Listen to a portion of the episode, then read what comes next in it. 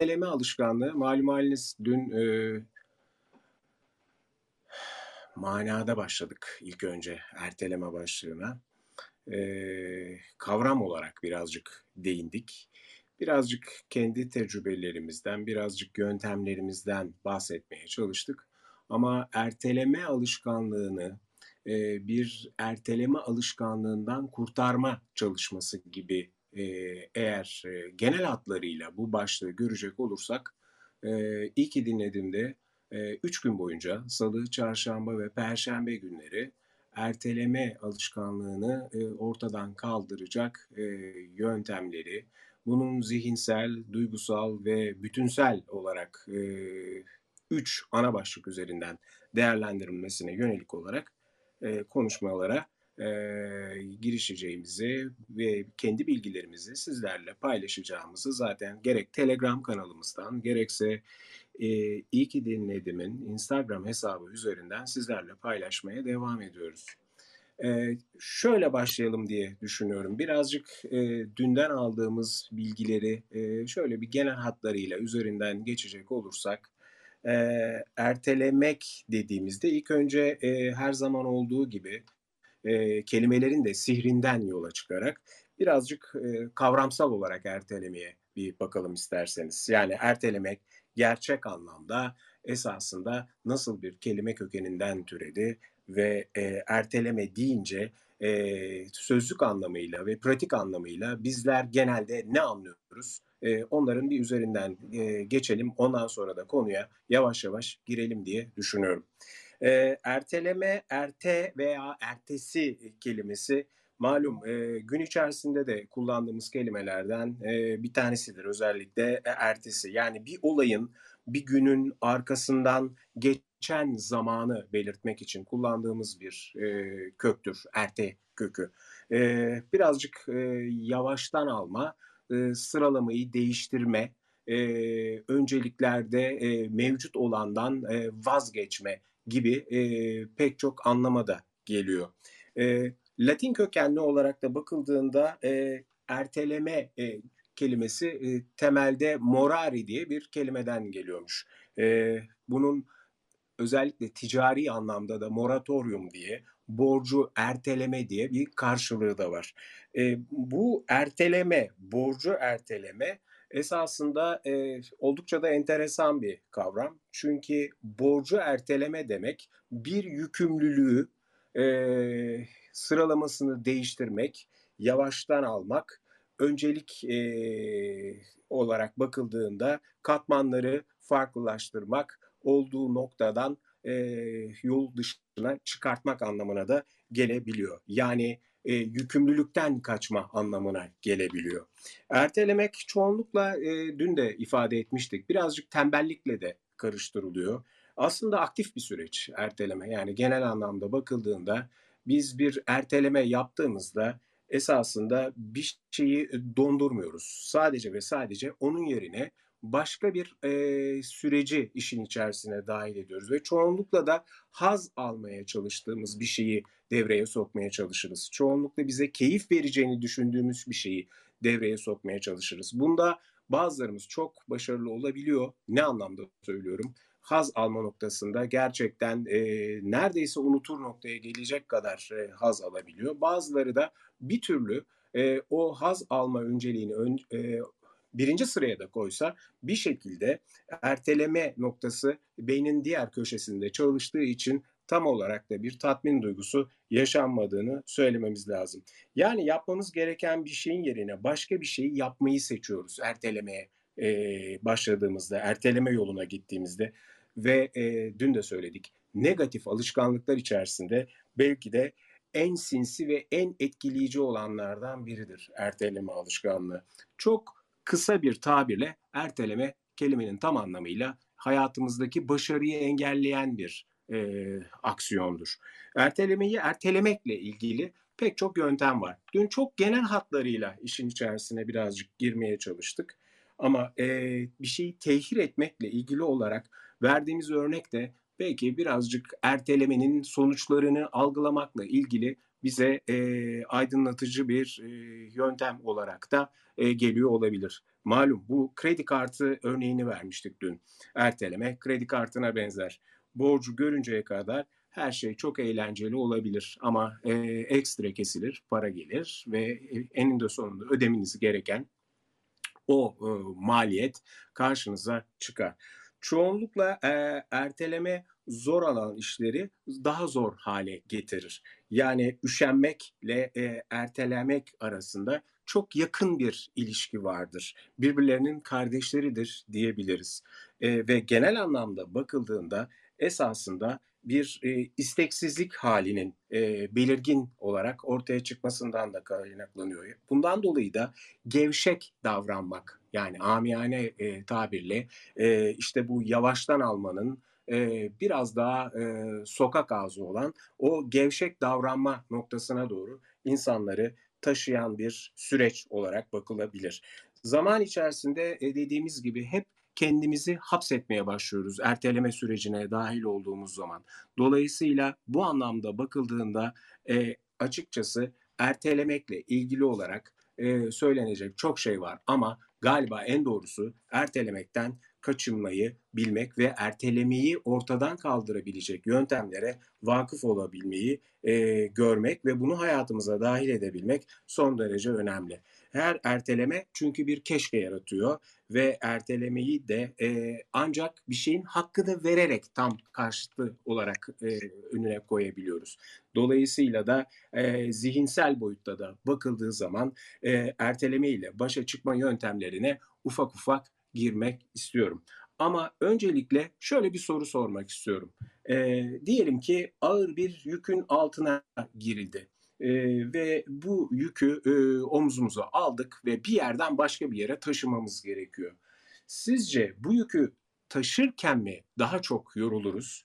Yoksa yükü omzumuza alıp hiçbir yere gitmeden olduğumuz noktada dururken mi daha çok yoruluruz?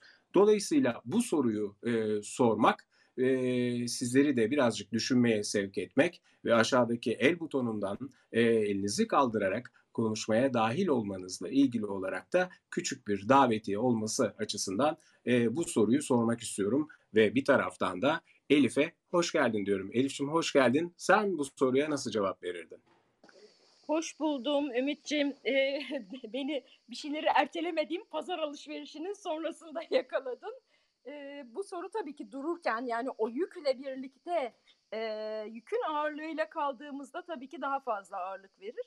Fakat bazen bu seçimin de gerekçeleri olabilir. Bunu bilemiyorum. Yani o yükü taşımanın tabii ki bunlar perşembe gününün konuları. Ee, ben hazzı erteleyen tarafım genelde. Yani yükü veya sorumlulukları dün de konuştuğumuz gibi işle ilgili hiçbir şeyi ertelemeyen bir insanım. Verdiğim hiçbir sözü iki elim kanda olsa e, tutmadan mümkün değil hareket edemem. Hazzı ertelemeye bakmak gereken taraftayım. Şu anda tam böyle bir pazar torbalarını yerleştirirken yakalandım. Sadece icabet etmek istedim. E, sonrasında e, katılacağım tekrardan detaylı. Çok teşekkürler Elif'ciğim. Bu söylediğin bile e, gerçekten e, önemli, altının çizilmesi gereken bir şey. Çünkü e, hazı erteleme dediğimiz şey esasında e, tam da ertelemeyi ertelemekle ilgili bir şeyden bahsediyor oldun sen hazzı erteleme dediğinde. Çünkü genelde e, Nietzsche'nin bir lafı var. Yaşamak için kuvvetli bir niçini olan her türlü nasıla katlanır demiş. Yani niçinde temel olan iki tane şey var. Ertelemeye bizi götüren. Bunlardan bir tanesi e, alınacak hazla ilgili bir durum. Yani e, eğer kuvvetli bir niçinimiz olursa e, erteleme yoluna gitmeyebiliriz. O zaman bu temel duygular içerisinde o e, alınacak haz duygusu, e, başarı duygusu, takdir duygusu bir tarafta kuvvetli bir argüman olarak dururken diğer tarafta da tabii ki kaçınılacak bir stres unsuru, kaçınılacak bir e, acı olabilir, kaçınılacak bir stres olabilir. Dolayısıyla bu anlamda bakıldığı zaman da Nietzsche'deki bu iki temel nokta yani alınacak has, tıpkı Elif'in söylediği gibi e, başarı duygusu, takdir duygusuyla kaçınılacak sıkıntı, acı, stres gibi temel e, niçinler bizim e, açıkçası erteleme ile ilgili olarak e, motivasyonumuzu e, arttıran ve arttırmakla da kalmayıp iki temel dürtü üzerinden son derece hızlı bir şekilde ilerlememizi sebebiyet verecek de güçlü unsurlar haline gelebiliyor. Dolayısıyla süreç içerisinde ben birazcık bu ertelemekle e, ilgili bundan kaçınma ve başa çıkma yöntemleriyle ilgili olarak bu konuya biraz daha geleceğim. E, yine her zaman olduğu gibi e, sıradan devam etmek istiyorum.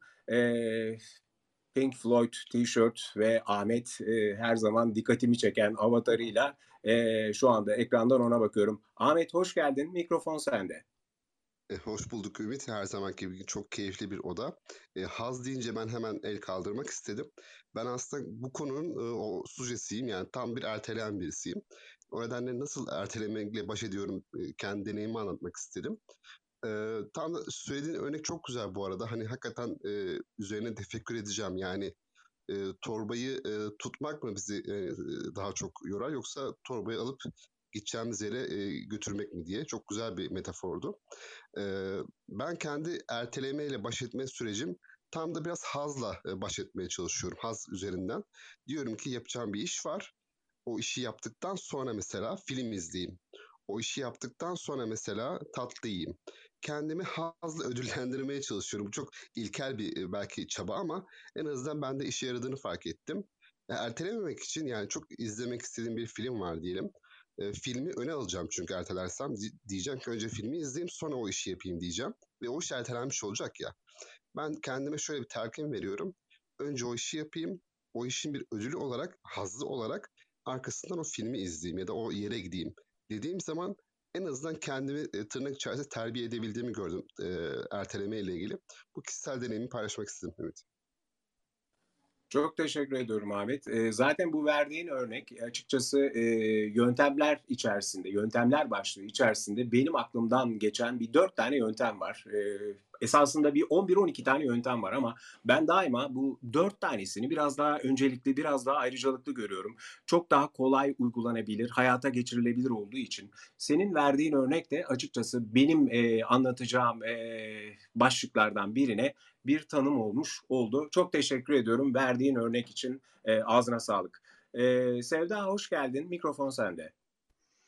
Merhaba, hoş bulduk. Eee, ertelemeyi neden ertelediğimi, düşünmeyi de ertelediğimi fark ettim ve siz konuşurken yüzleşmeye çalıştım kendimle. Eee, galiba bunun altında, eee, benim kişisel deneyimlerimden yola çıkarak, eee, mükemmeliyetçi olma gibi kötü bir alışkanlık ya da kötü bir, eee, edinimle galiba bu problemle karşı karşıyayım aslında böyle çok derinliğe indiğimde ya yaptığım her şey, güncel yaşamdaki sorumluluklarım, yapmam gereken her şeyin ille de mükemmel olması gerekmiyor. Galiba çok küçük yaşlarda hatırlayınız lütfen ilkokul öğretmenlerinizi, ailenizi. O, eee, henüz küçük büyük motor gelişimi tamamlanmadan, el kaslarımız hazır olmadan yazı yazmaya çalıştığımız dönemde ısrarla güzel yaz, güzel yaz, güzel yap, iyi yap. O kadar böyle, eee, çekirdek inançlarımız, koşullanmalarımız var ki bununla alakalı galiba büyüdükçe de daha da kemikleşiyor bu inançlar. Her şeyin mükemmel olması gerektiğine inandığımız için yapmamız gerekenler galiba yapmamız gerekenler gözümüzde çok büyüyünce, kocaman dev olunca hani nereden başlasam gibi hiç farkında olmadığımız düşünce, eee, inanç biçimleriyle galiba erteliyoruz. Benim için öyle. Mesela şahane ve mükemmel olması gerekmiyor. Yüzeysel de yapabilirim. Bir şeye çok böyle deli gibi, eee, yapabildiğimin en iyisini yapma gayretiyle başladığımda gözümde büyüdüğü için ertelediğimi fark ettim. İlk oturum için bunları söyleyeyim. Daha sonra, eee, söz hakkı geldiğinde diğer maddeleri paylaşırım. Teşekkür ederim dinlediğiniz için. Sevda ben teşekkür ederim. Gerçekten güzel bir örnekti. Ee, biz dün e, Mana Breakfast Club'da da zaten e, bu konuya birazcık dahil olmuştuk. Yani e, ertelemeyi e, tetikleyen şeylerden bir tanesi, gerekçelerden bir tanesi. Bu kimi zaman bizim esasında gerekçemiz değil, bahanemiz oluyor. Onun da altını çizmek lazım. E, çünkü hep şartları gözümüzde biz ya büyütüyoruz ya da eksiklerini görme gayreti içerisine giriyoruz. Yani diyoruz ki ideal şartlar oluşmadı.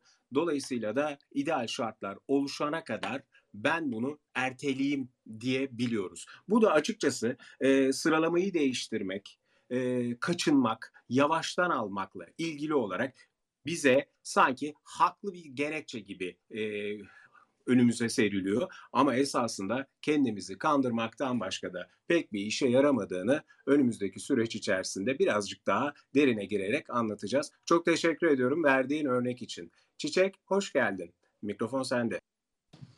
Herkese selamlar, merhabalar. Ee, açıkçası Ümit bu nişenin analiziyle e, analizini paylaşman çok hoşuma gitti.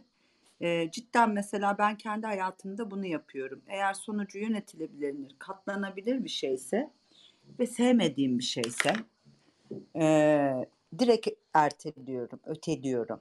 Ama bu erteleme öteleme şöyle bir durum yaratıyor bende. Üzerimde bir yük oluşturuyor.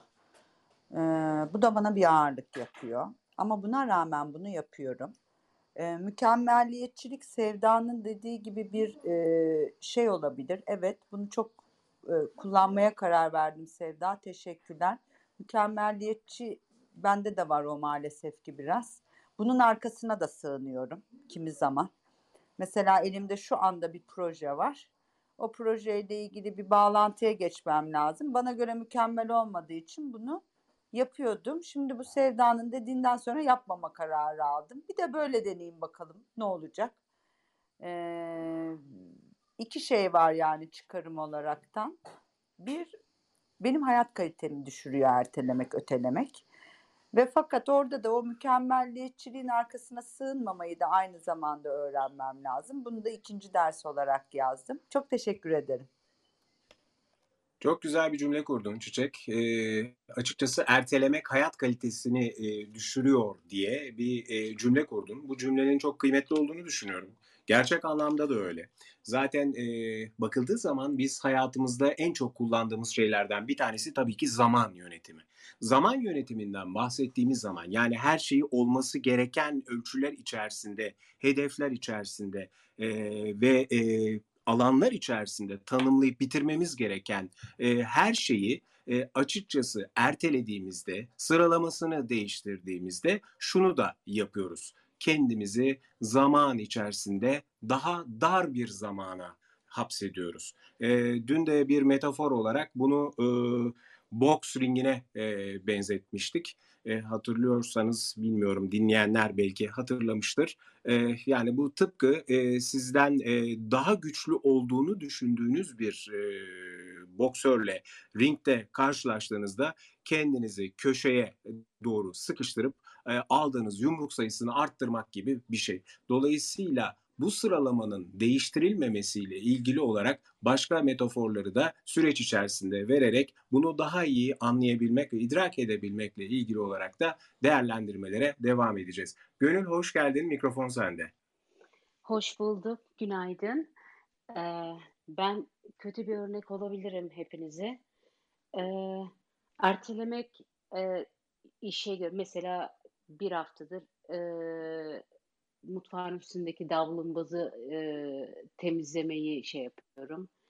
Temizlesem mi, temizlemesem mi falan. Ondan sonra eşim diyor buradan da artık yani bunun temizlenmesi üstüne beni temizle falan yazacağım diyor. Ama bu bende hiçbir şey yaratmıyor. Ben aslında çok çalışkan bir insanım da bu e, okul içerisinde yani iş ortamında çalıştıktan sonra bu tatillerde açıkçası hiç kılımı kıpırdatmak da istemiyorum. Çocuklar da büyüdüğü için onlar da kendi başlarının çaresine baktığı zaman ben kendimle ilgilenmeyi daha çok seviyorum. Yani bir e, kendimle ilgili durumlarda hiçbir şeyi ertelemiyorum. Ama böyle ev temizlemek, sürekli aynı şeyleri yapmak beni şey yapıyor. Nasıl derler? Yeter ya falan diyorsunuz. Hiç yani e, ama bir şekilde de tabii ki temizleniyor. Merak etmeyin. Ne bir temizlikçi geliyor bana. Her şeyi kendim yapıyorum. Sadece o e, flexibility yani kendim karar veriyorum. O zaman mı işim canım istiyor, bu zaman mı canım istiyor? Bir bakayım diyorum. Ve bundan da hiç üzülmüyorum. Ay geçen gün misafirler geldi. Onlar da mesela şey yaptı. Herkes de aynı mesela rutinin sıkışmışlığı içerisinde e, erteleniyor birçok şeyler. Yani monotonluk demeyeyim de rutinin içerisinde. Monotonluk daha kötü bir şey. Ben rutinimi seviyorum. Erteleme o şeyi de seviyorum. Ertelemeyi de seviyorum. Ve bundan bana şey hiç e, duygusal olarak bir şey hissetmiyorum yani. Ay şimdi böyle olacak falan. Sizin verdiğiniz örnekte de mesela ben onu kafamda hallediyorum. Bu sadece bir haz da düşünmüyorum. Bu buraya mı gidecek? Ama bu davlumbazla ilgili yani yapılacak şey herkes ilgilendiriyorsa onu yap. Ama bu sadece benimle çünkü ben yemek yapıyorum buralardayım falan. Üstünden şöyle bir alı veriyorum. O zaman erteleyebiliyorum ama e, toplumsal olarak hiçbir şey ertelemiyorum aile toplumu içerisinde. Bilmiyorum ben ertelemeyi bazen çok seviyorum ya. Kendimi böyle şey hissediyorum. Ee, özgürlük bende gibi hissediyorum. Ve hiç şey yapmıyorum. O zaman tamamen kendime harcıyorum. Böyle bir şey. Değişik bir yaklaşım oldu. E, hayır, erteleme konusu esasında genel anlamda şu andaki başlıklar üzerinden e, devam ettiğimiz zaman neden ertelememeliyizi konuşuyoruz. Ama ertelemekle ilgili özellikle e, öfke zamanlarında ertelemekle ilgili ya da dönüştürmekle ilgili e, gönül zannediyorum sen de hatırlarsın süreçler farklı çalışabiliyor. E, bazı kavramları e, belli başlıklar altında değerlendirmemiz gerekiyor. Yani e, bunu böyle yapıyorken bu e, bir e, Tanrı'nın kelamıdır kesinlikle değiştirilemez durumu yoktur esasında. Belli alanlar, belli başlıklar altında bazı kavramlar farklı şekilde değerlendirilebilir. Dolayısıyla bu verdiğin örnek içerisinde e, açıkçası bunu da birazcık e, kapı olarak aralamış olduk. E, böylece farklı farklı anlamlarda da kullanılabileceğine dair de bir fikir sahibi olmamıza sebebiyet verdi verdiğin örnek Gönül. Teşekkür ediyorum. E, Ferru hoş geldin. E, açıkçası e, seninle beraber olmak üstelik de bu e, süreç içerisinde yoldasın biliyorum. Büyük bir disiplin gösterdin ve moderatör olarak e, burada varsın. E, erteleme alışkanlığı niye erteleriz noktasında bir psikolog gözüyle baktığın zaman neler söylemek istersin? Hoş geldin, mikrofon sende. Ha, merhaba Ümit'ciğim, teşekkürler, çok sağ ol. Yani e, niyesi esasından birçok şeylere dayanıklı olabilir ama ben biraz daha çözüm odaklı olmaya çalışayım. E, ertelediğimiz şey umumiyetle zaten bir kere e, çok da güzel bir e, Sevda Hanım konuşurken girmiştim zaten araya. O zaman da kendisi mükemmellik, işi büyütmek gözümüzde. O, bunların hepsi bence e, erteleme işine girir. Ama nedeni o kadar önemli değil. Çünkü hepimiz yapıyoruz bunu. Derecesi değişebilir. Yani e, ben 10 kereden 2 kişi erteliyor olabilirim. Başkası 10 taneden 9 tanesini erteliyor. Önemli olan şey ertelediğinin farkına varıp nasıl harekete geçeceğim ve ertelemeyi nasıl e, kısaltacağım. O bana sorarsan en önemlisi. Burada da ben her zaman e, beraberken de hatta sen de takdir edersin belki e, birçok kullandığım örnekler var. E, bir kere seçim örneğini kullanıyorum e, seçimler hiçbir zaman yüzde yüz oylarla kazanılmıyor. Yani bir e, seçimi kazanman için yüzde yüz oya ihtiyacın yok. Yüzde elli bire ihtiyacın var. Yüzde elli bir oyla bir seçim kazanıyorsun. O zaman bunu da aynı şekilde düşünmek gerekiyor. Bir yapacağım bir şeyi yüzde yüzle kazanmak, yüzde yüz ancak olursa yapacağım gibi düşünmemek gerekiyor. Çünkü o yüzde yüz gidecek de tamamlanan bir olay. E, yeter ki sen kafanda bir şeyin zaten 10 kaneden 6 keresini yapıyorsan zaten ona başarıyorsun. Zaten onu ilerliyorsun. E, olay orada esasında nerede oluyor? Mükemmellik demişti. Bir şeyi yüzde yüz tamamlama. Hatta ben bunu çok e, üst yöneticilerle danışırken çok yaşardım bunu. Özellikle e-mail trafiğinde çok olur bu. E, ortaya da çıkar. Hatta aramızda insanlar varsa ben bir araları kurumsal hayatımda ciddi söylüyorum. 800 tane e-mail günde ki bunlar bana yani genel olarak CC olarak da değil yani e, yaz bunu ne yapalım yaz bunu ne yapalım 800 tane. Şimdi bu 800 taneyle sen nasıl çıkacaksın başa? Hiçbir şekil yok. Hemen bir filtrelemeye girmen gerekiyor. Ve bunu dikkat ettim. Birçok üst yöneticiler hele özellikle bu zamanını iyi yönetenler e, hemen anında hareket edebilecekleri yani sonlandırabilecekleri e-maillerle ilk önce ilgileniyorlar.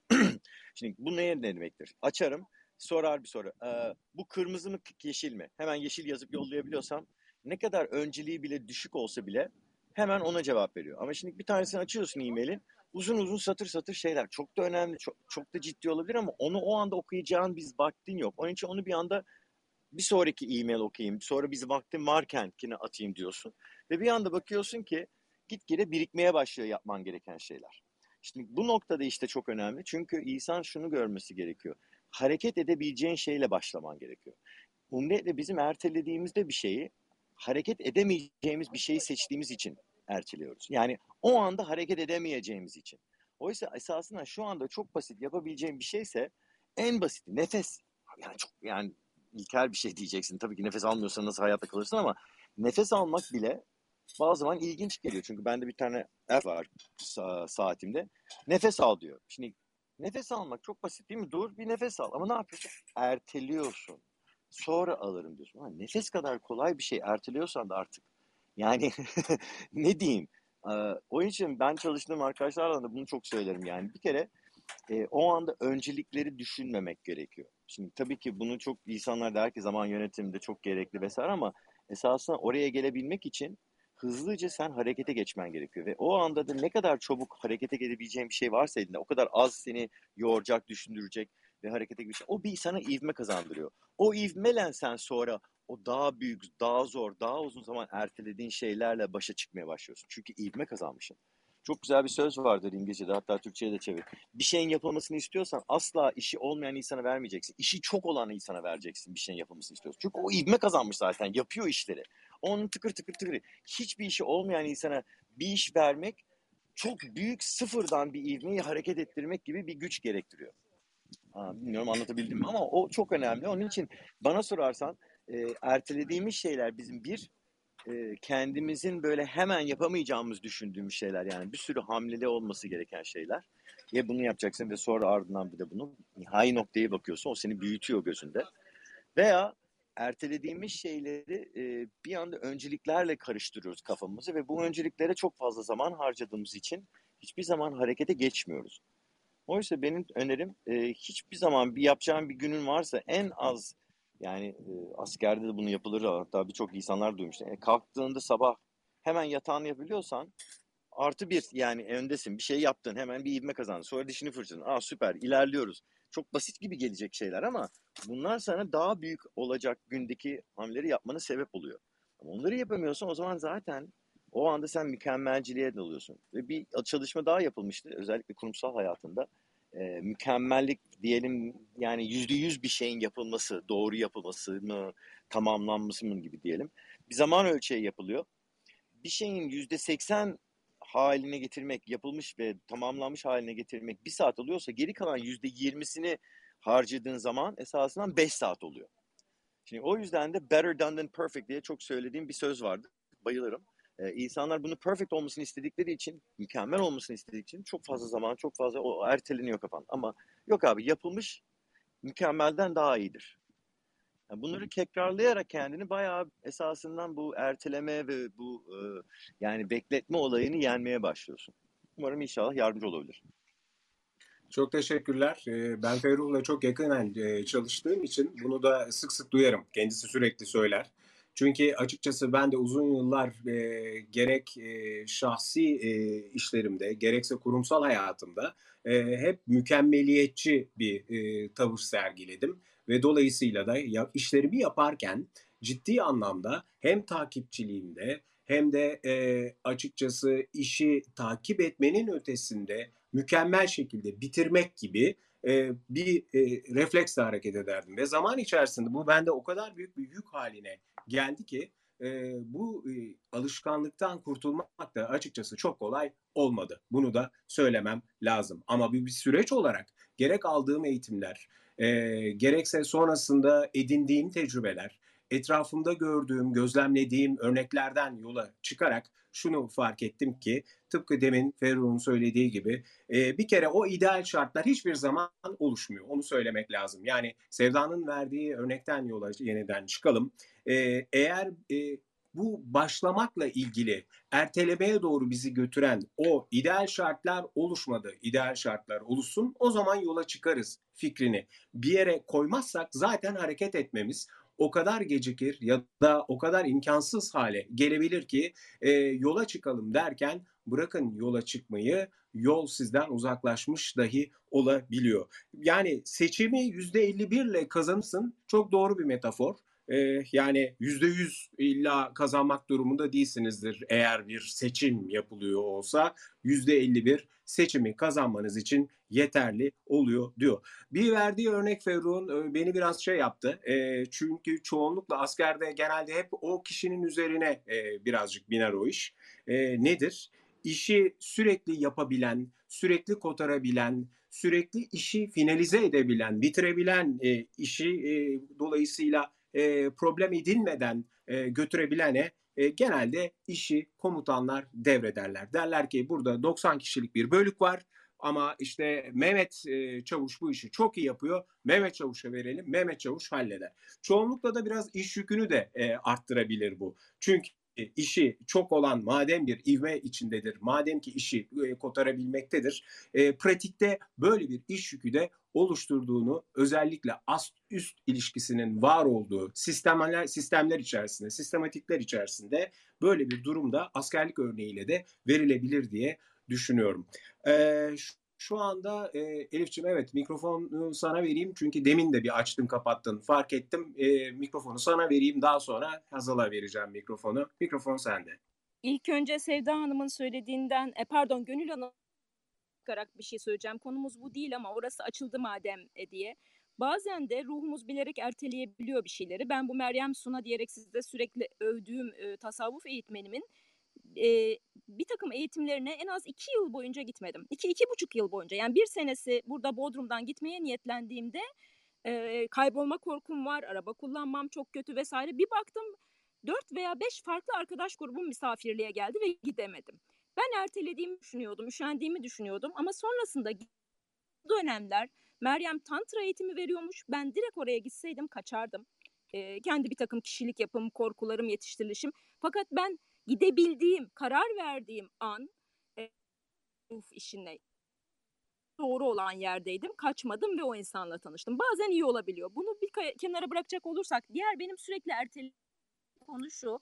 4-5 yıldır Bodrum'a her geldiğimde çevresini gezeceğimi söylüyorum. Ama öyle korkularım var ki araba kullanmam çok iyi değil 87'den beri ehliyetim var. Yön duygum berbat evimin arka sokaklarında kayboluyorum ve ben sürekli erteliyorum. Yani ah, hazı erteliyorum. Seyahat ve hep şey derim ilkokul karnelerinde hani sağ sütunda şey vardır ya yeteneği diye bir şey vardır. Benim bütün karnelerim hep pek iyiydi ama bence o zayıf olmalıydı. Ben kendi başına iş yapabilen bir insan değilim. Ekürü istiyorum. Sürekli yanımda bir yoldaş istiyorum diye. Buradaki ertelemeden herhangi bir e, kazancım yok. Aksine kaybım var ama korkularımın üstüne gidemiyorum. Bunu gördüğüm için. E, Ferruh'un söylediği şey çok doğru. Aslında bir ilk adımı atma korkusu belki. İlk adımı atılsa gerisi gelecek. E, söyleyeceğimi unuttum. Sen Hazal'a ver. Kendi konuşmamdan unuttum söyleyeceğimi. Şöyle yapalım istiyorsan Elif'ciğim. Esasında orada çok önemli bir şey var. Ee, yani o ilk adımı atmak dedin. Ee, bu cümle içerisindeki o ilk adım. E, dün de e, bir cümle var. Kendi kendime çok fazla tekrar ettiğim bir cümledir. Çünkü hayat gerçekten inişleri çıkışları, bol bol bir yani e, tıpkı o Luna Park'taki roller coaster gibi bir e, eğlence aracı diyelim. Eğlenebiliyorsanız, eğlenmeyi becerebiliyorsanız ne mutlu size. Dolayısıyla bu inişler ve çıkışlarda en önemli bakış açılardan, baş, açılarından bir tanesi esasında şudur. Başlamanın bitirmenin yarısı olduğuna dair anlayış.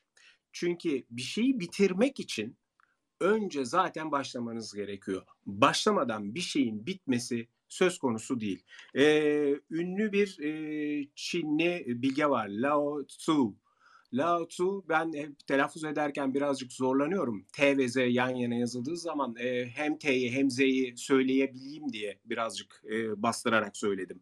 Şöyle söylüyor. Diyor ki en uzun yolculuklar dahi, en zorlu yolculuklar dahi küçük adımlarla başlar.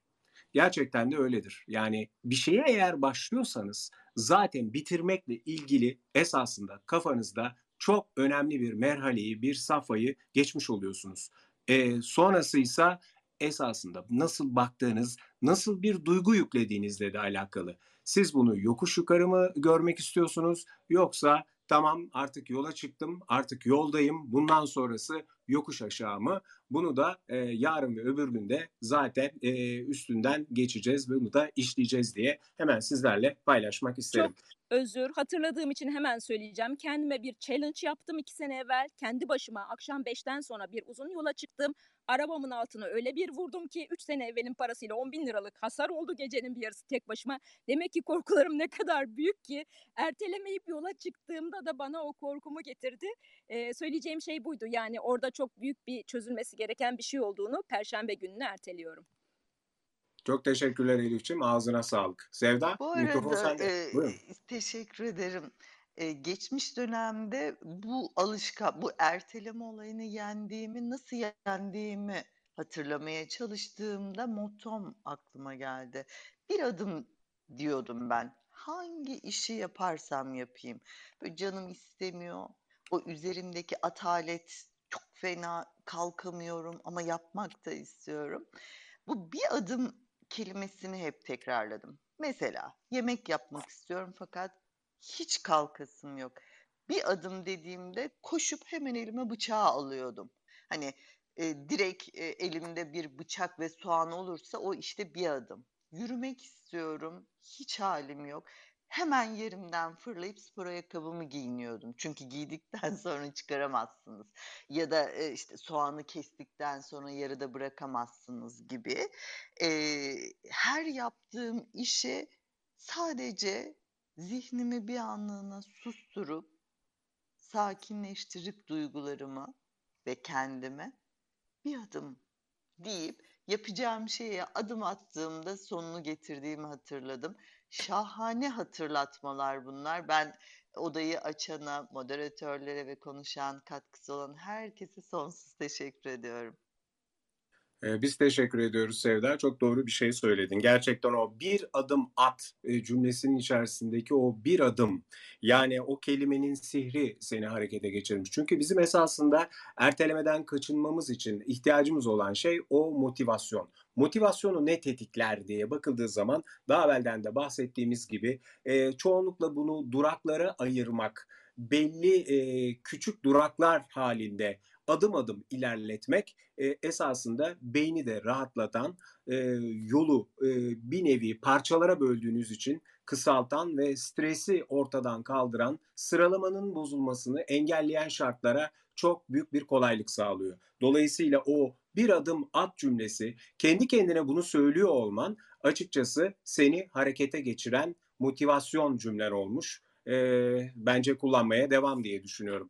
Hazal Evet e, Sevda pardon e, bir şey söyleyecektin galiba E, mikrofonu yeniden sana vereyim. Ay yo alkışladım bu açıp kapatmak alkış ya. Yo yo onu fark ettim sonra e, farklı bir ritimde bir kere daha açıldığını gördüm. Onun için zannettim ki bu cümlenin üzerine bir şey daha söylemek istersin diye anladım. E, o benim hatam özür diliyorum. Peki o zaman e, ben Hazal'a mikrofonu vereyim. Hazal mikrofon sende. Merhaba, teşekkür ederim. Çok iyi oldu benim için. İlk defa Clubhouse'da bir yayını dinlerken not almaya başladım. Çünkü gerçekten bu konudan çok muzdaribim. Yaz Bey bahsetti. Neden bütün işler işte sürekli iyi yapan insana verilir? Ben bir buçuk yıldır pandemiden sonra evden çalışmaya başladım. Ee, bana verilen işi yapma sürem uzuyor. Bu da e, titiz olmakla, arkasını kontrol etmekle çok alakalı. Tek seferde çok mükemmel bir şey çıkarmayacağım biliyorum. Kendimi tanıyorum ama en azından bana az hatayla dönmesi için elimden geleni yapıyorum. Fakat iş yüküm çok artıyor, çok fazla. Kendim de e, biraz fazla buna düşkün olduğum için gecenin bir yarısı aklıma geldiğinde kendimi laptopun başında buluyorum. Hani bu bence doğru bir şey değil. Mental olarak aslında çok yıprandığımı fark ettim. Eee, ve çok yorgun hissediyorum. Çünkü iş yüküm sürekli, sürekli, sürekli artıyor ve ben esasında sadece, eee, tembel hayvan gibi bazen uzanıp, eee, gökyüzüne bakıp ya da tavana bile bakarak bir şeyleri düşünmek istiyorum. Kitap okumak istiyorum. 4 ayrı kitabımı yarıda bıraktım. Kendimi her anlamda o kadar yetersiz hissetmeme sebep olan bir sürecin içerisindeyim ki çıkmak çok zor geliyor bana. O yüzden, eee, sorum aslında şöyle size gelecek. Bu bütün işlerin tek bir insana yığmaması için o sınırı kendimize ve çevremizdeki diğer insanlara, aile, iş yeri, yöneticiler, bunu koymanın bir yolu var mı? Bunu çok merak ediyorum. Eee, aslında, eee, ilk zamanlar ertelemenin bende yarattığı his çok güzeldi. Evet, bunu şu anda erteliyorum ama bitireceğim. Evet, eminim, biliyorum, o adımı atıyorum.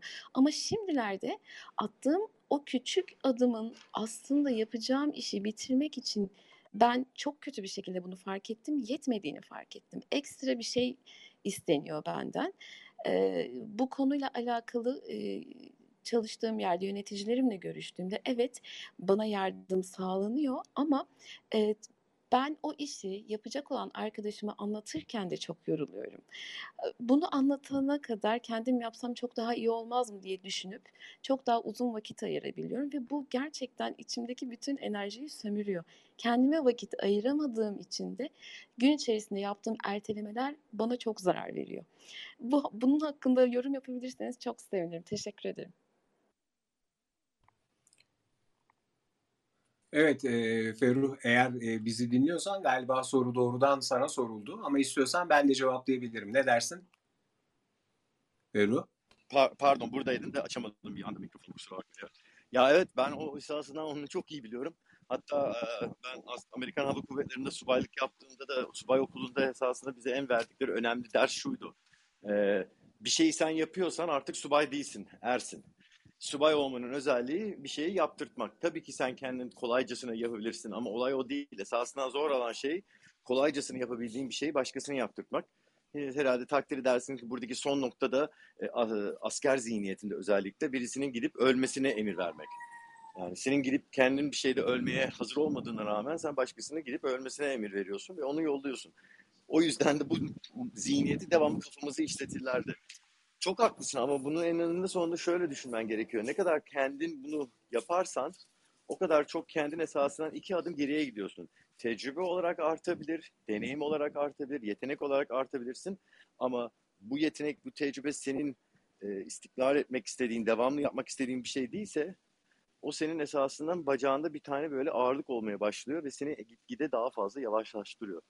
Mutlaka ve mutlaka ne kadar hızlıca olursa birisine aktarman gerekiyor ve orada da sabra birisinin yapmasına kadar beklemen gerekiyor. Hatalı da olsa o hatayı sonuna kadar yapana kadar beklemen gerekiyor. Birçok esasından güzel bir noktaya getirdi bu. Ee, Birçok insanın zaten bir şey ertelemesi hatadan dolayı geliyor. Hele Türkiye'de ben çok gördüm bunu. Yöneticilerin sürekli birisine devamlı hata yaptın, hata yaptın demesi zaten esasından birisi ertelemeye getirtir.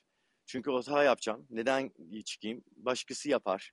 Ben yapmadığım takdirde bir şeyi eninde sonunda başkası gelip yapar zihniyetli başlıyor. Ve o yüzden de devamlı ertelenmesini görüyorum işlerin. Özellikle Türkiye'deki yaptığım yönetici. Ama mesela Amerika'daki yaptığım yöneticinin farklı bir tane e, şeyi görüyordum orada ertelemenin sebebi. Yetersiz bilgi. E, yani yeterince bana bu işi tamamlayacak bilgi verilmediği için işte git yap denildiğinde baktım işte nereden başlayayım nasıl yapacağımı bilmediğim için iş erteleniyordu. O yüzden de Amerikalılar mesela acayip detaycı olurlar ve hatta Türkiye ile Amerika arasında bazı zaman da dalga geçer Türkler. Ya bana dediler ki ilk önce nefes al, elini kaldır. Helal elini kaldıracağım, nefes alacağım. Bunu yapmadan. Yani bunu neden anlatıyorlar bana? Bunu anlatıyorlar ki direkt nereden başlayacağını bil. Ee, ben bunu dalga geçerim. Hatta e, hava kuvvetlerinde bize bir e, uçağa gidip tamir etmeye başladığında elinin altında bir tane o yapacağın işle ilgili direkt birebir A, B, C nasıl yapılacağına dair bir e, ne dersin kullanma kılavuzundan çıkman gerekiyor uçağa. Şimdi çok basit bir şey bile olsa yani tornavidadan bir vidayı açmak ki bin kere yaptın ama gene de ne kadar olursa olsun tembih ediyorlar. Yanında o tornavidalan o vidayı nasıl açacağının kullanma kılavuzundan çıkman gerekiyor. Ki bir hata olduğunda bir şey olduğunda aa bilmiyordum diyemezsin. elinde kılavuz var. O kılavuzda tam birebir nerede başlayacağını söylüyor. Hatta ve hatta çok esprili gibi gelecek ama bu kadar basit bir şey. Uçağın şeyine uçağın kanadına çıkarken bir tane merdiven iner. O merdiven indiğinde de kullanma kılavuzunun ilk adımı ilk önce sol ayağınızla merdivene basın der. Sağ ayağından bastıysan dur, tekrar geri gel ve sol ayağından bas. Bu şekilde tembih edilmiş ve ben size söyleyeyim bunu tembih ettikleri insanlar e, şeyler yani bilim adamlarından tut mühendisler yani çok akıllı zeka adamlar. Ama yine de ne oluyor? Aa evet sağ ayağımdan basmaya başladım. Çıktım. Aa bir saniye kanat sağ tarafta. Aa ben şimdi sol ayağımı sağ ayağımın önünden böyle geçireyim derken düşenler olmuş kanattan. Ve bu düştüklerinde tabii ki ay ben bilmiyordum diyorlar. O yüzden de dönüp diyorlar bak o zaman sol ayağından bas ki bastığında sağ ayağını kanadın üstüne basıp çıkabilirsin. Bu kadar basit konutu yaptığında iş ilerliyor. Ama oysa biz burada bu Türkiye'de özellikle bu basit konutları yapmaktan biraz çekiniyoruz. Sanki herkes itirak etmiş, bilmesi gerekiyor diyoruz. İşte yap diyoruz genellemesine. Bu da olmayla Amerika'da esasında ertelemesine sebep oluyor ama Türkiye'de de bu hata yapmamaktan dolayı ertelemeye geliyor. Bilmiyorum yardımcı olabildim biraz aydınlamada. Teşekkür ederim. Ee, çok teşekkürler Ferruh. Ben de e, şöyle bir şey söylemek istiyorum Hazal. E, çünkü hem e, iş hayatındaki tecrübelerden e, gerek kurumsal gerekse kendi işimi yaptığım zaman e, birlikte çalıştığım arkadaşlarımdan yola çıkarak aklıma gelenleri birazcık paylaşmak ve bu arada da kişisel gelişim eğitimlerinden aldığım bilgilerle birazcık harmanlayarak senin söylediğine ben de cevap vermek isterim açıkçası. Şimdi şöyle bakıyor olmak lazım. Ferun verdiği örnek esasında çok güzel bir örnek. Yani askeriyedeki örnek bir sistem içerisinde olmaktan kaynaklandığı için bir sistemi anlatmak için belki de askeriye gerçekten çok ideal bir örnek. Subay er e, ilişkisi.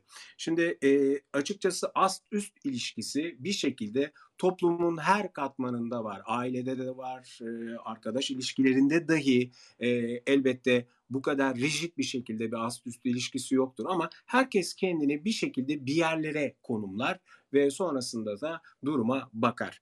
E, bu subay er ilişkisi içerisinde dahi esasında bir e, bir süreç var. Yani e, delege etmekle ilgili bir süreç var. Tıpkı iş hayatında olduğu gibi Hazal'a e, iş veren üstleri gibi. E, bunun e, motive etmek, kontrol etmek, sonuca vardırmakla ilgili bir süreci var.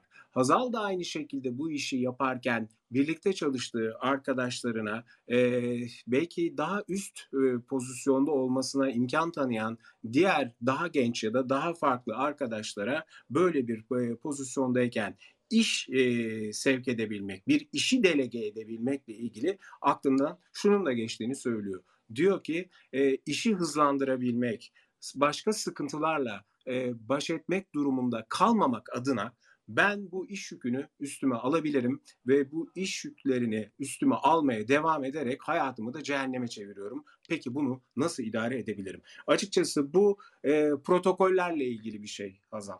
Hepimizin e, gerek çalıştığımız yerlerde gerekse kişisel alanımızda esasında bizi biz yapan, kişiliklerimizi de oluşturan bir takım e, davranış özelliklerimiz var. Bunu zaman içerisinde yeniden yapılandırabiliriz ama tırnak içerisinde söylüyorum zaman içerisinde. Yani bir sürece ihtiyacı vardır. Bir anda bir düğmeye basarak kolay kolay olmaz bu işler.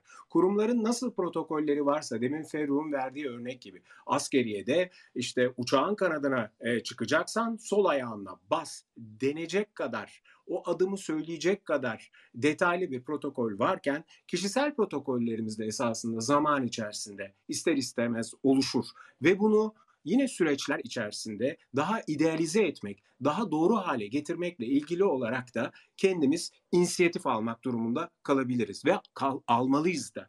Dolayısıyla kendi kişisel protokollerimizi, sınırlarımızı, önceliklerimizi bir alışkanlık haline getirmek ve bizimle ilgili algıyı da dönüştürmek de bunun için e, gereklidir. Dolayısıyla bu da bir süreç, bu da bir zaman. E, çünkü e, yetersiz kişiler ve yetersiz bilgiler e, belki de bizim işi delege etmek durumunda kaldığımız insanlar yüzünden hayatımızı cehenneme başka şekilde çevirir diye hareket ediyoruz ama bu süreçleri doğru kullanmak, bilgiyi arttırmak, bilgiyi yaymak, süreçleri e, bir alışkanlık haline gerek kendi başımıza gerekse etrafımızdakilere birazcık anlatacak hale gelebilecek şekilde idare edebilmek açıkçası yine bir sürece dayanıyor. Bazen sabır bunun tek yöntemi açıkçası sabırlı olmak da gerekiyor. O yüzden e, bilmiyorum söylediğine birazcık ben de cevap verebildim mi? Çok teşekkür ederim. Kesinlikle öyle düşünüyorum. Ben aslında kendim için İngilizce tabir edeceğim resilience yani o dayanıklılık halini sağlamam gerekiyor. Şimdi çok sabırlı bir insanım ama tükeneceği o kadar yoğun dönemlere denk geldim ki çalıştığım sektörde uluslararası insani yardım kuruluşu ve kar amacı gütmeyen bir kuruluş.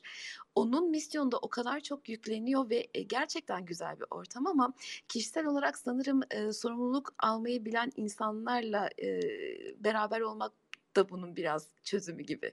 Çünkü bir noktada tıkandığınızda karşı taraftan bir yardım, bir el gelmiyorsa eğer ya da fark edilmiyorsanız, söylemenize rağmen yardım alamıyorsanız da çok kötü bir durum bu. Çok teşekkür ederim. Ee, güzel oldu bunları duymak sizden. Sağ olun. Ben kendi örneğim üzerinden cevap verebilir miyim? Vaktimiz var mı Ümit? Var var tabii ki Elif'ciğim verebilirsin.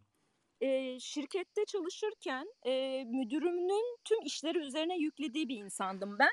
Akşam 7'de uyuyakalıyordum. Aslında ben satış pazar sigortada, satış pazarlamada ve bana bir gün şöyle bir cümle kurmuştu. Ben e, bu Hazal Hanım'a söylüyorum. İşte bir örnek vermişti. Dışarıdan bir gürültü gelmiş. Müdür iki tane elemanını yollamış. Birisi demiş ki kömür kamyonu devrilmiş gelmiş. Diğeri demiş ki kömür kamyonu devrilmiş. İtfaiyeyi çağırdım, polisi çağırdım, orayı çektirdim, onu yaptım, bunu yaptım. Sen işte busun demişti. Ve en son raddede sonu söyleyeceğim. Ben demiştim ki diğer insanları da işe siz aldınız. Ve ben 7'de uyuyakalıyordum. Sonrasında bana e, aslında yapılması gereken şey irade ve sınırları koyabilmek Hazal Hanım. Yani e, gönüllülük esasıyla çalışılan bir yer olduğu için bilemiyorum ne kadar işe yarayacak bu. E, bana verdikleri işler çok yüklüydü. Hepsini yapıyordum. En son kendisinin genel müdür yardımcısına vermesi gereken bir görevi verdi. Yaptım. O yıllar evimde bilgisayar yok. Sadece şirkette bilgisayara geçireceğim için tuvalet kapısına dayayarak beni fırçalamıştı. O zaman da şunu söyleyebilmiştim bakın ama kaybetmeyi göze aldığım andı. ISO 9000 ile uğraşan ki kalite sorumlusu da bendim departmanım hiç görev tanımım olmamasına rağmen ISO 9000 standartlarını almaya uğraşan bir şirkette o zaman bu benim görev tanımım değil demiştim ve ben o an acente oldum. 27 yaşında kendi şirketimi kurabildim ve o şer bana bir hayra dönüşebildi sınırlarımı koruyabilmek. Yoksa delege edemediğiniz insanlar varsa o şirkette belki de etmeyeceksiniz ki o insanların da yetersizliği görülecek ve onların da tekamülü açısından belki o yetersizliğini görmesi gerekiyor. Belki iş değiştirmesi gerekiyor. Siz kendi sınırlarınızı korumadığınızda, her şeyi üstünüze aldığınızda, bakın ne oldu biliyor musunuz? Ben ayrıldım, üç kişiye verildi bana. Ise vazgeçilmez değil. Hala yürüdü orada o sistem. Üç kişi yaptı ama yürüdü. Ben kendime yapıyormuşum aslında. Yani ben becerebilirim ancak dediğimde kendi kibrimden dolayı bu verilen yükü sırtlanmışım. Biraz evvel Ümit'in dediği gibi o sırtlanmak da sırtıma yük olmuş, bel fıtığı olmuş, mide kanaması geçirmişim bilmem ne olmuş. Bazen kendi sınırlarınızı küçültmek ve daraltmak size uzun vadede fayda getiriyor. Allah'ıma bin şükür ki 27 yaşından beri kendi işim. Çalışırsam kendime, çalışmazsam kendimeyi bu sınırları koyduğumda ve bu resti çekebildiğimde kazandım. Elif Hanım benim için çok güzel bir e, şey oldu, açıklama oldu kesinlikle. Ben sizi çok iyi anlıyorum. Çok teşekkür ederim. Bunu çok e, içime aldım ve şey yaptım ya. Harika bir cümle kurdunuz. Gerçekten teşekkürler. Sağ olun. Ee, şöyle bir şey de söylemek istiyorum Hazal. Ee, esasında temelde e, hayır demeyi becermek çok önemli. Hayır demek e, bir nevi özgürleşmek diye biz bundan önceki e, başlıklarda e, işlemiştik. Sana tavsiyem e, özellikle iyi ki dinledimin Telegram kanalında e, bizim bundan önce yapmış olduğumuz hayır demekle ilgili, hayır demenin nasıl bir e, özgürleşme getirdiği ve hayır demenin üslupları, doğru yöntemleri ve halleri gerek zihinsel, gerek duygusal, gerekse bütünsel anlamda bize neler katabileceğiyle ilgili e, yaptığımız yayınların kayıtlarını Telegram kanalımızda, iyi ki dinledim Telegram kanalımızda bulabilir. Oradan da belki bugün sorduğum bu sorunun cevabını almakla ilgili de e, başka bilgilere de ulaşabilirsin diye senle bunu paylaşmak istiyorum. Teşekkür ederim Ümit Bey. Sağ olun. E, bugün Ee, küçük tabii ki tabii ki Ee, özellikle psikolojik boyutuyla ilgili kendi deneyimlerimi de okuduğumda dinlerken de şunu fark ediyorum. Şimdi herkes diyor ki bir şey yapmak istiyorum ama yapmak istemiyorum. Şimdi yapmak isteyen kim diye soruyorum o zaman ben. Hani ben diyelim ki o işi yapmak istiyorum ya ama ayağa da kalkamıyorum. Oturduğum yerden kalkamıyorum. Bu iki isteği biz kendi içimizde nasıl okuyabiliriz ve bu iki isteyen ve istemeyene iletişim kurdurabilir miyiz onu merak ettim. Ee, şöyle cevap vermek istiyorum açıkçası. Ee, Ferruh da dinliyor mu bilmiyorum. Belki o e, biraz daha psikolog e, gözüyle de e, konuyu e, ele alacaktır. Şimdi e, bizim temelde ihtiyacımız olan şey e, açıkçası her konuda bir motivasyon. Yani bizi ayakta tutan, motivasyonumuzu sağlayan gerekçelerin ne olduğu, onun ne kadar güçlü olduğu açıkçası bizi yol e, aldıran, yol kat ettiren temel e, motor. Bu motora sahip olmakla ilgili esasında e, ciddi bir yol kat ediyoruz hayat içerisinde, hayat denen bu süreç içerisinde.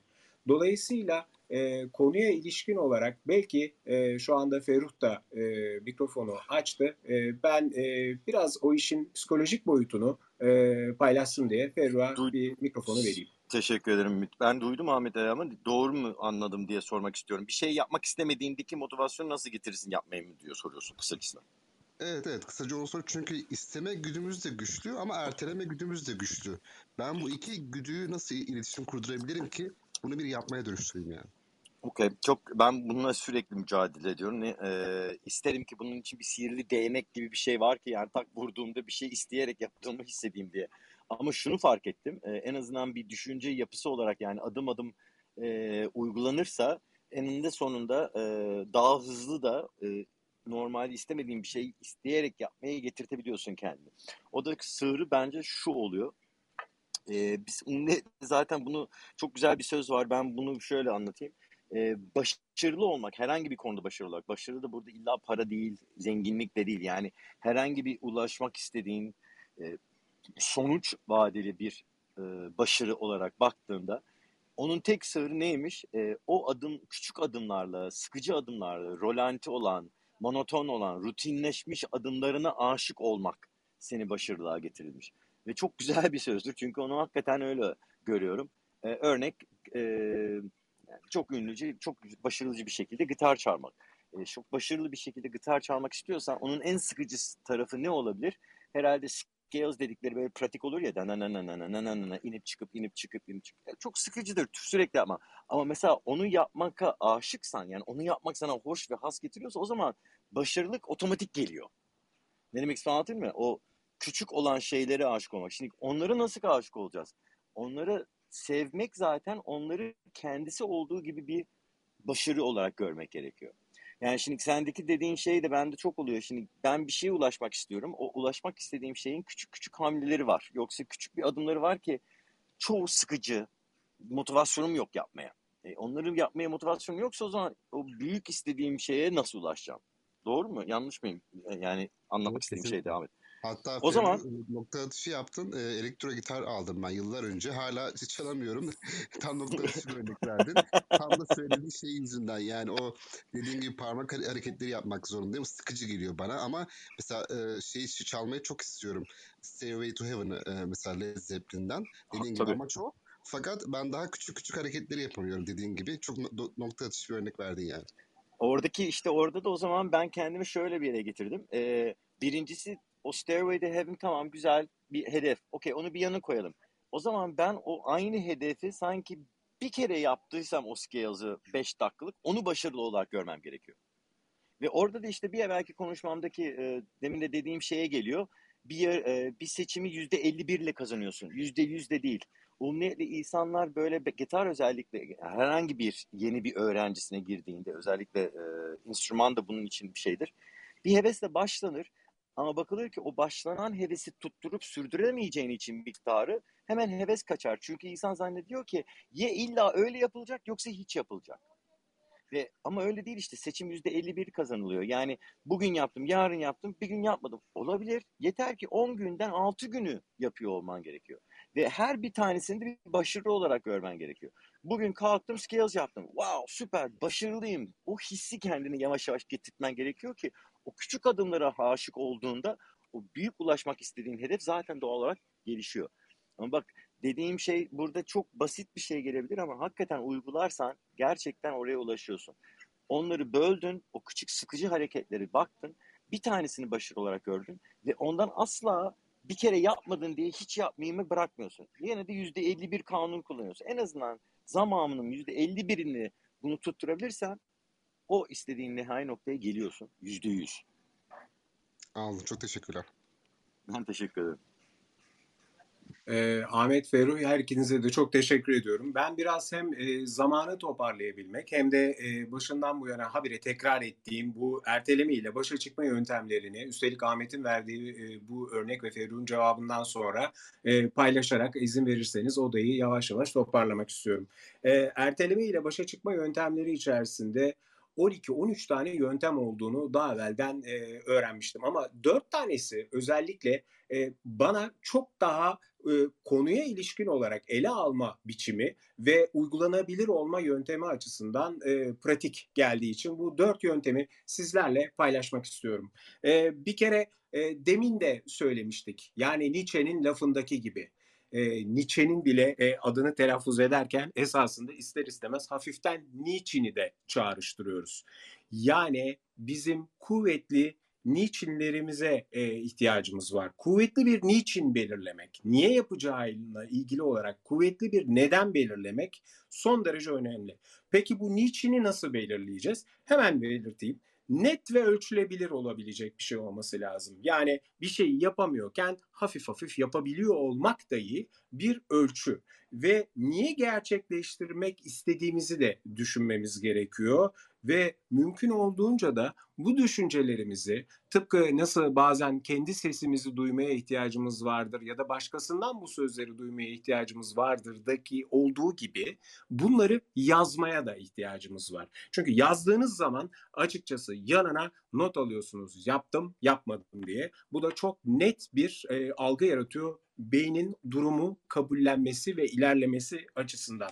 Ve e, bu e, niçinleri yazdıktan sonra da esasında en kuvvetli e, niçini bulmak da son derece önemli ve bu niçin belki de sürece varmakta sizin en önemli motivasyon aracınız olacaktır. Daha sağlıklı olmak, e, kilo vermek, e, gitar çalmak, gitarda özellikle belli bir işte Stairway to Heaven e, Ahmet'in örneği e, bunu çalmak gibi. Dolayısıyla hep kuvvetli nedenler ve niçinler aramalıyız. E, başlık olarak ne koyduysak oraya ulaşma adına. Ama e, önemli yöntemlerden bir tanesi de zaten habire bunu paylaşıyoruz. Küçük parçalara ayırmak, duraklara ayırmak. Yani bunu üç yine temel adımda yapmamız gerekiyor. Yani niye yapmak istiyoruz? Bir kere bunun e, bir numaralı adamı bu. Bu konuda çok net olmamız lazım. Tam bir şekilde kendimize cevap verebilmemiz lazım. Yapılan akademik araştırmalarda e, bu durağa yani e, nihai durağa giderken bunu 3 ya da 6 bölüme ayırın demişler. Ve bu adımları da bir nevi kutular haline getirip içerisine yazalım. Ama ilk adım yani ilk yapacağımız bu yol içerisinde belki de bu uzun yol içerisinde ilk yapacağımızı 5 dakikadan uzun tutmayacak şekilde yapabiliyor olmak bir kere bizi başlatmakla ilgili gerekli momentumu e, bize veriyor olacak. Dolayısıyla da bu yöntemin ben oldukça etkin olduğumu olduğunu e, kendimden e, denediğim için çok net size söyleyebilirim. Bir diğeri ise zihinde süreci canlandırma. Yani e, zihin esasında e, dışarıdan gördüğüyle e, zihninde canlandırdığı arasındaki fark o kadar minimal ki belki de yok gibi. Ve e, bu sürece bakıldığında zihinde canlandırma metodolojisinin e, fark ettiğim örneklerinden biriydi. Michael Phelps dünyanın gelmiş geçmiş en iyi e, yüzücüsü olarak kabul ediliyor. Onunla ilgili bir belgesel seyretmiştim. Bu belgeselde kendisinin antrenörü videotape diye bir e, yöntem kullandığını söylemişti. Videotape denen e, bu yöntemde bir nevi e, Michael Phelps e, mayosunu giydikten itibaren o havuzda havuzun başına atladığı noktaya geldiği anı e, suya girdiği anı hangi yöntemle hangi e, stille yüzmesi gerekiyorsa orada atacağı kulaçlar, sırt üstü, kurbağalama neyse bütün bu yüzmeyi tem- tem- temelli olarak kafada birebir canlandırıp sonuca kadar ritmi yakalayarak kafasında birebir bir video teyp seyreder gibi kafasında canlandırdığını söylemişti. Çok etkili bir yöntem olduğunu Michael Phelps de e, daha sonra kendi ağzından bunu ifade etmişti. Çünkü burada büyük bir e, motivasyon saklı olduğunu kendi ağzından dinlemiştik. Bir diğer e, yöntemse son olarak paylaşacağım Pomodoro tekniği. Bu teknik e, belli bir zaman dilimini belirleme üzerine hareket ediyor. Yani yine zaman, yine süreçten hareket ediyoruz. Yine bir zaman yönetiminden bahsediyoruz. Zaten ertelemenin esasında var olduğu alan, zamanın ta kendisi. Belli bir zaman dilimi içerisinde e, bir iş yapmayı belirliyoruz. Sonrasında ise o zamanın sonunda e, işle ilgili konuyu kısa bir süreliğine durduruyoruz ve kısıtlıyoruz. Yani bir nevi erteleme dürtüsünü önemli ölçüde azaltmakla ilgili bir yöntem olarak akademisyenlerin paylaştığı bir metodoloji Pomodoro yöntemi. E, alarmlı saat kuruyorsunuz 25 dakikaya. 25 dakika yapmak istediğiniz ya da yapmanız gereken diyelim iş neyse tamamıyla ona konsantre oluyorsunuz. Dışarıdan gelen hiçbir e, mesaja, hiçbir iletişime e, kendinizi açmıyorsunuz. 25 dakikanın sonunda ise e, alarm çalıyor ve 5 dakika bir mola veriyorsunuz ama bunu tam bir mola şeklinde kesinlikle işten kopacak şekilde yapıp ardından yeniden bir 25 dakika kurup bunu 4 e, Pomodoro e, süreciyle sınırlıyorsunuz ve sonunda da 30 dakikalık mola veriyorsunuz. Bu hangi yöntemler e, de özellikle kullanıldığını söylemek gerekirse diyelim ki iş hayatınızdasınız uzun bir sunum hazırlayacaksınız ya da bir e, okumanız gereken çok uzun bir rapor var ya da e, yine yazmanız gereken e, bir döküman var. Bütün bunlarda bu süreci çalıştırıyor olmak esasında beyin kısıtlı süre çalıştığını bildiği müddetçe motive olmaya devam ediyor diye özet yaparak e, e, isterseniz yavaş yavaş sonuca gelelim. Ben bugün e, konuşmacı olarak e, burada katılan, el kaldıran herkese çok teşekkür ediyorum. Ferruh aramızdan ayrıldı, ona teşekkür ediyorum. E, Hazal sana çok teşekkür ediyorum sorduğun e, sorudan dolayı ve e, not almaya başladığını söylemen de açıkçası bizim çok hoşumuza gitti. Sağ ol, var ol, ağzına sağlık. E, Sevda evet e, yani ideal şartlar diyerek bir nevi e, ortamı tetikledin. O yüzden sana da çok teşekkür ediyorum. Gönül de e, keza aynı şekilde bizimle e, sürekli bir arada oluyor ve bizimle tecrübelerini ve başından geçenleri paylaşıyor. Umarım paylaşmaya devam eder. Ahmet her zaman olduğu gibi işin içerisinde öyle ya da böyle, direkt ya da endirekt hep bir müzik olması benim hoşuma gidiyor. Gerek görselde gerekse örneklerde. O yüzden kendisine de çok teşekkür ediyorum. Çiçek burada değil. Çiçeğe de çok teşekkür ediyorum. E, ertelemek benim hayat kalitemi düşürüyor dedi. Ve e, son olarak da Elif e, artık yavaş yavaş o da e, moderatör olmaya başladı. E, özellikle Mana Breakfast Club'da e, kendisine çok teşekkür ediyorum. Çarşıdan pazardan yetişti ve bir şekilde bizimle görüşlerini paylaştı. Bugün yaptığımız bu yayını e, Telegram kanalımızda, iyi ki dinledim Telegram kanalımızda öğleden sonra bulabilmeniz mümkün olacak. E, bir kısmını dinleyenler ya da kaçırıp e, bir şekilde dinleme imkanı bulamayanlara e, özellikle kendi aralarında konuşan arkadaş olanların birbirine söyleyebileceği bir bilgi olarak sizinle paylaşmak istiyorum. Sağ olun, var olun. Yarın erteleme alışkanlığının duygusal boyutunu e, yine birlikte işleyeceğiz. E, size çok iyi bir gün olmasını diliyorum e, ve teşekkür ediyorum. Eyvallah Ümit harikasın süper özetler çıkartıyorsun ve hiç ertelemiyorsun. özet çıkartmayı ve herkese teşekkür etmeyi biz asıl sana teşekkür ederiz bu güzel moderatörlüğün için. Yeniden teşekkürler. Birlikte var oluyoruz. Sağ olun, var olun. Yarın görüşmek üzere.